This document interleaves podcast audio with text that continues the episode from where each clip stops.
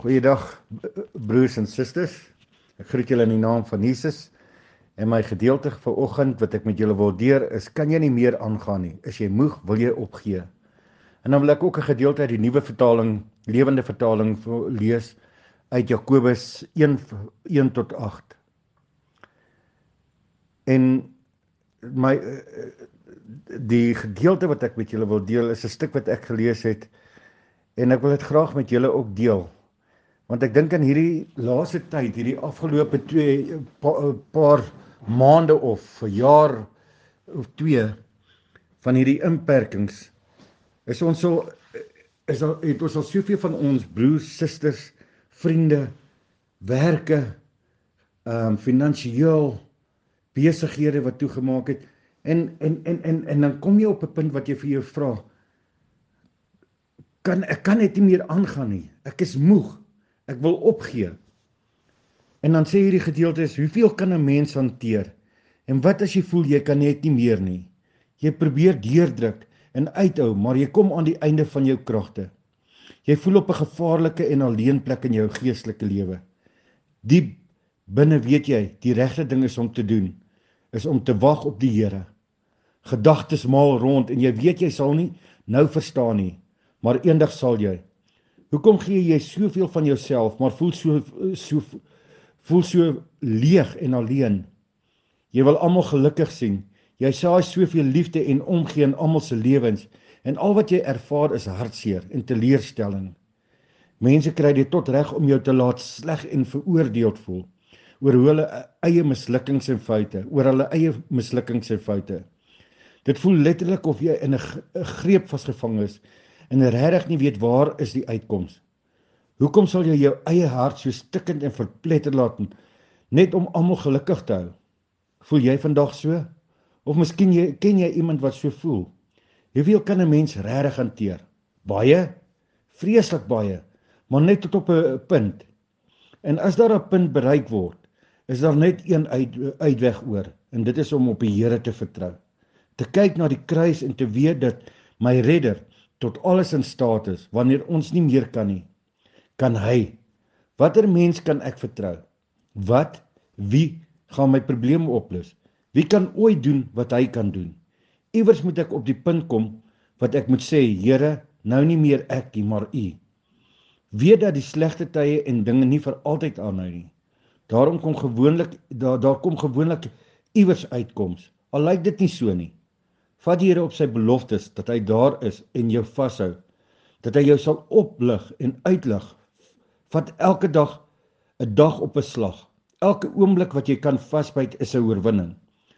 Doen alles wat jy kan om omstandighede te verbeter. Aanvaar wat jy nie kan verander nie en sit die res in die Here se hande. Geloof in die Here se vermoëns gaan verby. Dit wat ons kan sien. Dalk lê die draaipunt net om die volgende draai moet nooit tou opgooi gee nie. Weet dat die Here jou wil help. Dit is 'n belofte. Hoeveel kan 'n mens hanteer op jou eie? Nie veel nie. Maar maar maar ek is tot alles in staat deur Christus wat my krag gee. Dis wat Filippense 4:13 vir ons sê. En natuurlik hierdie hierdie gedeelte gelees het en dit besef ek maar dit is hoe ek voel. En dit is hoe ek hierdie laaste 2 jaar en paar maande in tye deurgegaan het. En nadat ek dit gelees het en toe kom ek op hierdie gedeelte en toe ek ver oggend uh um ek en Lana ons stilte tyd doen in Jakobus 1 tot 8 wat sê wees bly oor julle beproewings en bid tot God vir wysheid. En Jakobus sê so my liewe broers en susters wanneer julle nie wanneer julle in allerlei beproewings beland moet julle eintlik baie bly wees. Julle weet mos wanneer 'n mens se geloof 'n toets deurstaan, veroorsaak dit dat jy kan volhard. Julle moet egter end uit volhard, dan sal julle lewensdoel bereik en geestelik gesond wees. Julle sal niks kortkom nie. Vra vir God as jy nie kan agterkom wat hy wil hê jy moet doen nie. Hy sal jou eenvoudig daardie wysheid gee en jou nie verwyd dat jy dit gevra het nie. Maar as 'n mens bid, moet jy dit moet jy, uh, maar as 'n mens bid, moet jy die vertroue hê dat God sal antwoord. Want iemand wat twyfel is soos 'n brander en in wat in die see wat deur die wind aangejaag en heen en weer gedryf word. So iemand kan mos nie dink dat hy iets van die Here sal ontvang nie. Hy is iemand wat nie tot 'n besluit kan kom nie. Op iemand kan jy nie pyl kan jy nie pyl trek nie. En met die gedeelte wat ek voorheen gedeel het oor hoe ons voel en so aan is die grootste die hierso vir vir ehm um, vir vers 5 en sê vra vir God as jy nie kan agterkom wat hy wil hê jy moet doen nie. Hy sal jou eenvoudig daardie wysheid gee en jou nie verwyd dat, dat jy dit gevra het nie. Maar hierdie is 'n groot ding wat ek wil hê ons almal moet vanoggend dink daaroor en bid. Vra vir God. Ag uh, uh, jammer, maar as 'n mens bid, moet jy die vertroue hê dat God sal antwoord. Want iemand wat twyfel is soos 'n brander in die see wat deur die wind aangejaag heen en weer gedryf word. En dan sê dan sê die dan sê Jakobus hier verder vir ons. As ons twyfel en ons en ons glo nie wat ons bid nie. As ons as jy op 'n punt vir oggend is of jy ken iemand wat op 'n punt vir oggend is wat nie meer weet watter kant nie. Wat nie weet waar my volgende finansies vandaan gekom nie. Wat nie weet of ek besigheid het nie. Wat met siekte sit. En al hierdie klein jakkeltjies wat in ons lewe ingeduig het, duik het met hierdie COVID wat dinge net baie meer erger gemaak het. Dan is dit die tyd wat jy vir daai persoon en vir jouself moet sê, maar ek glo in my God en ek twyfel nie op my God nie, want my God is daar. Dis 'n belofte.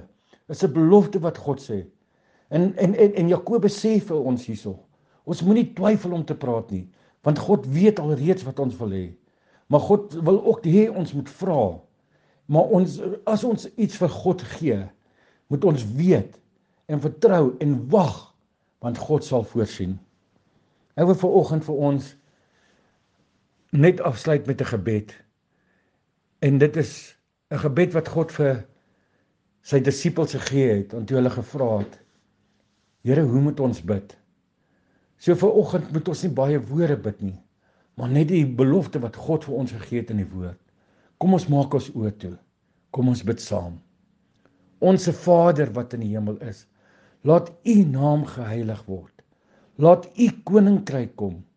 Laat U wil geskied. Net soos in die hemel, net so ook op die aarde. Ja Here, gee ons vandag ons daaglikse brood en vergewe al ons skulde, net soos ons ook ons skuldenaars vergewe.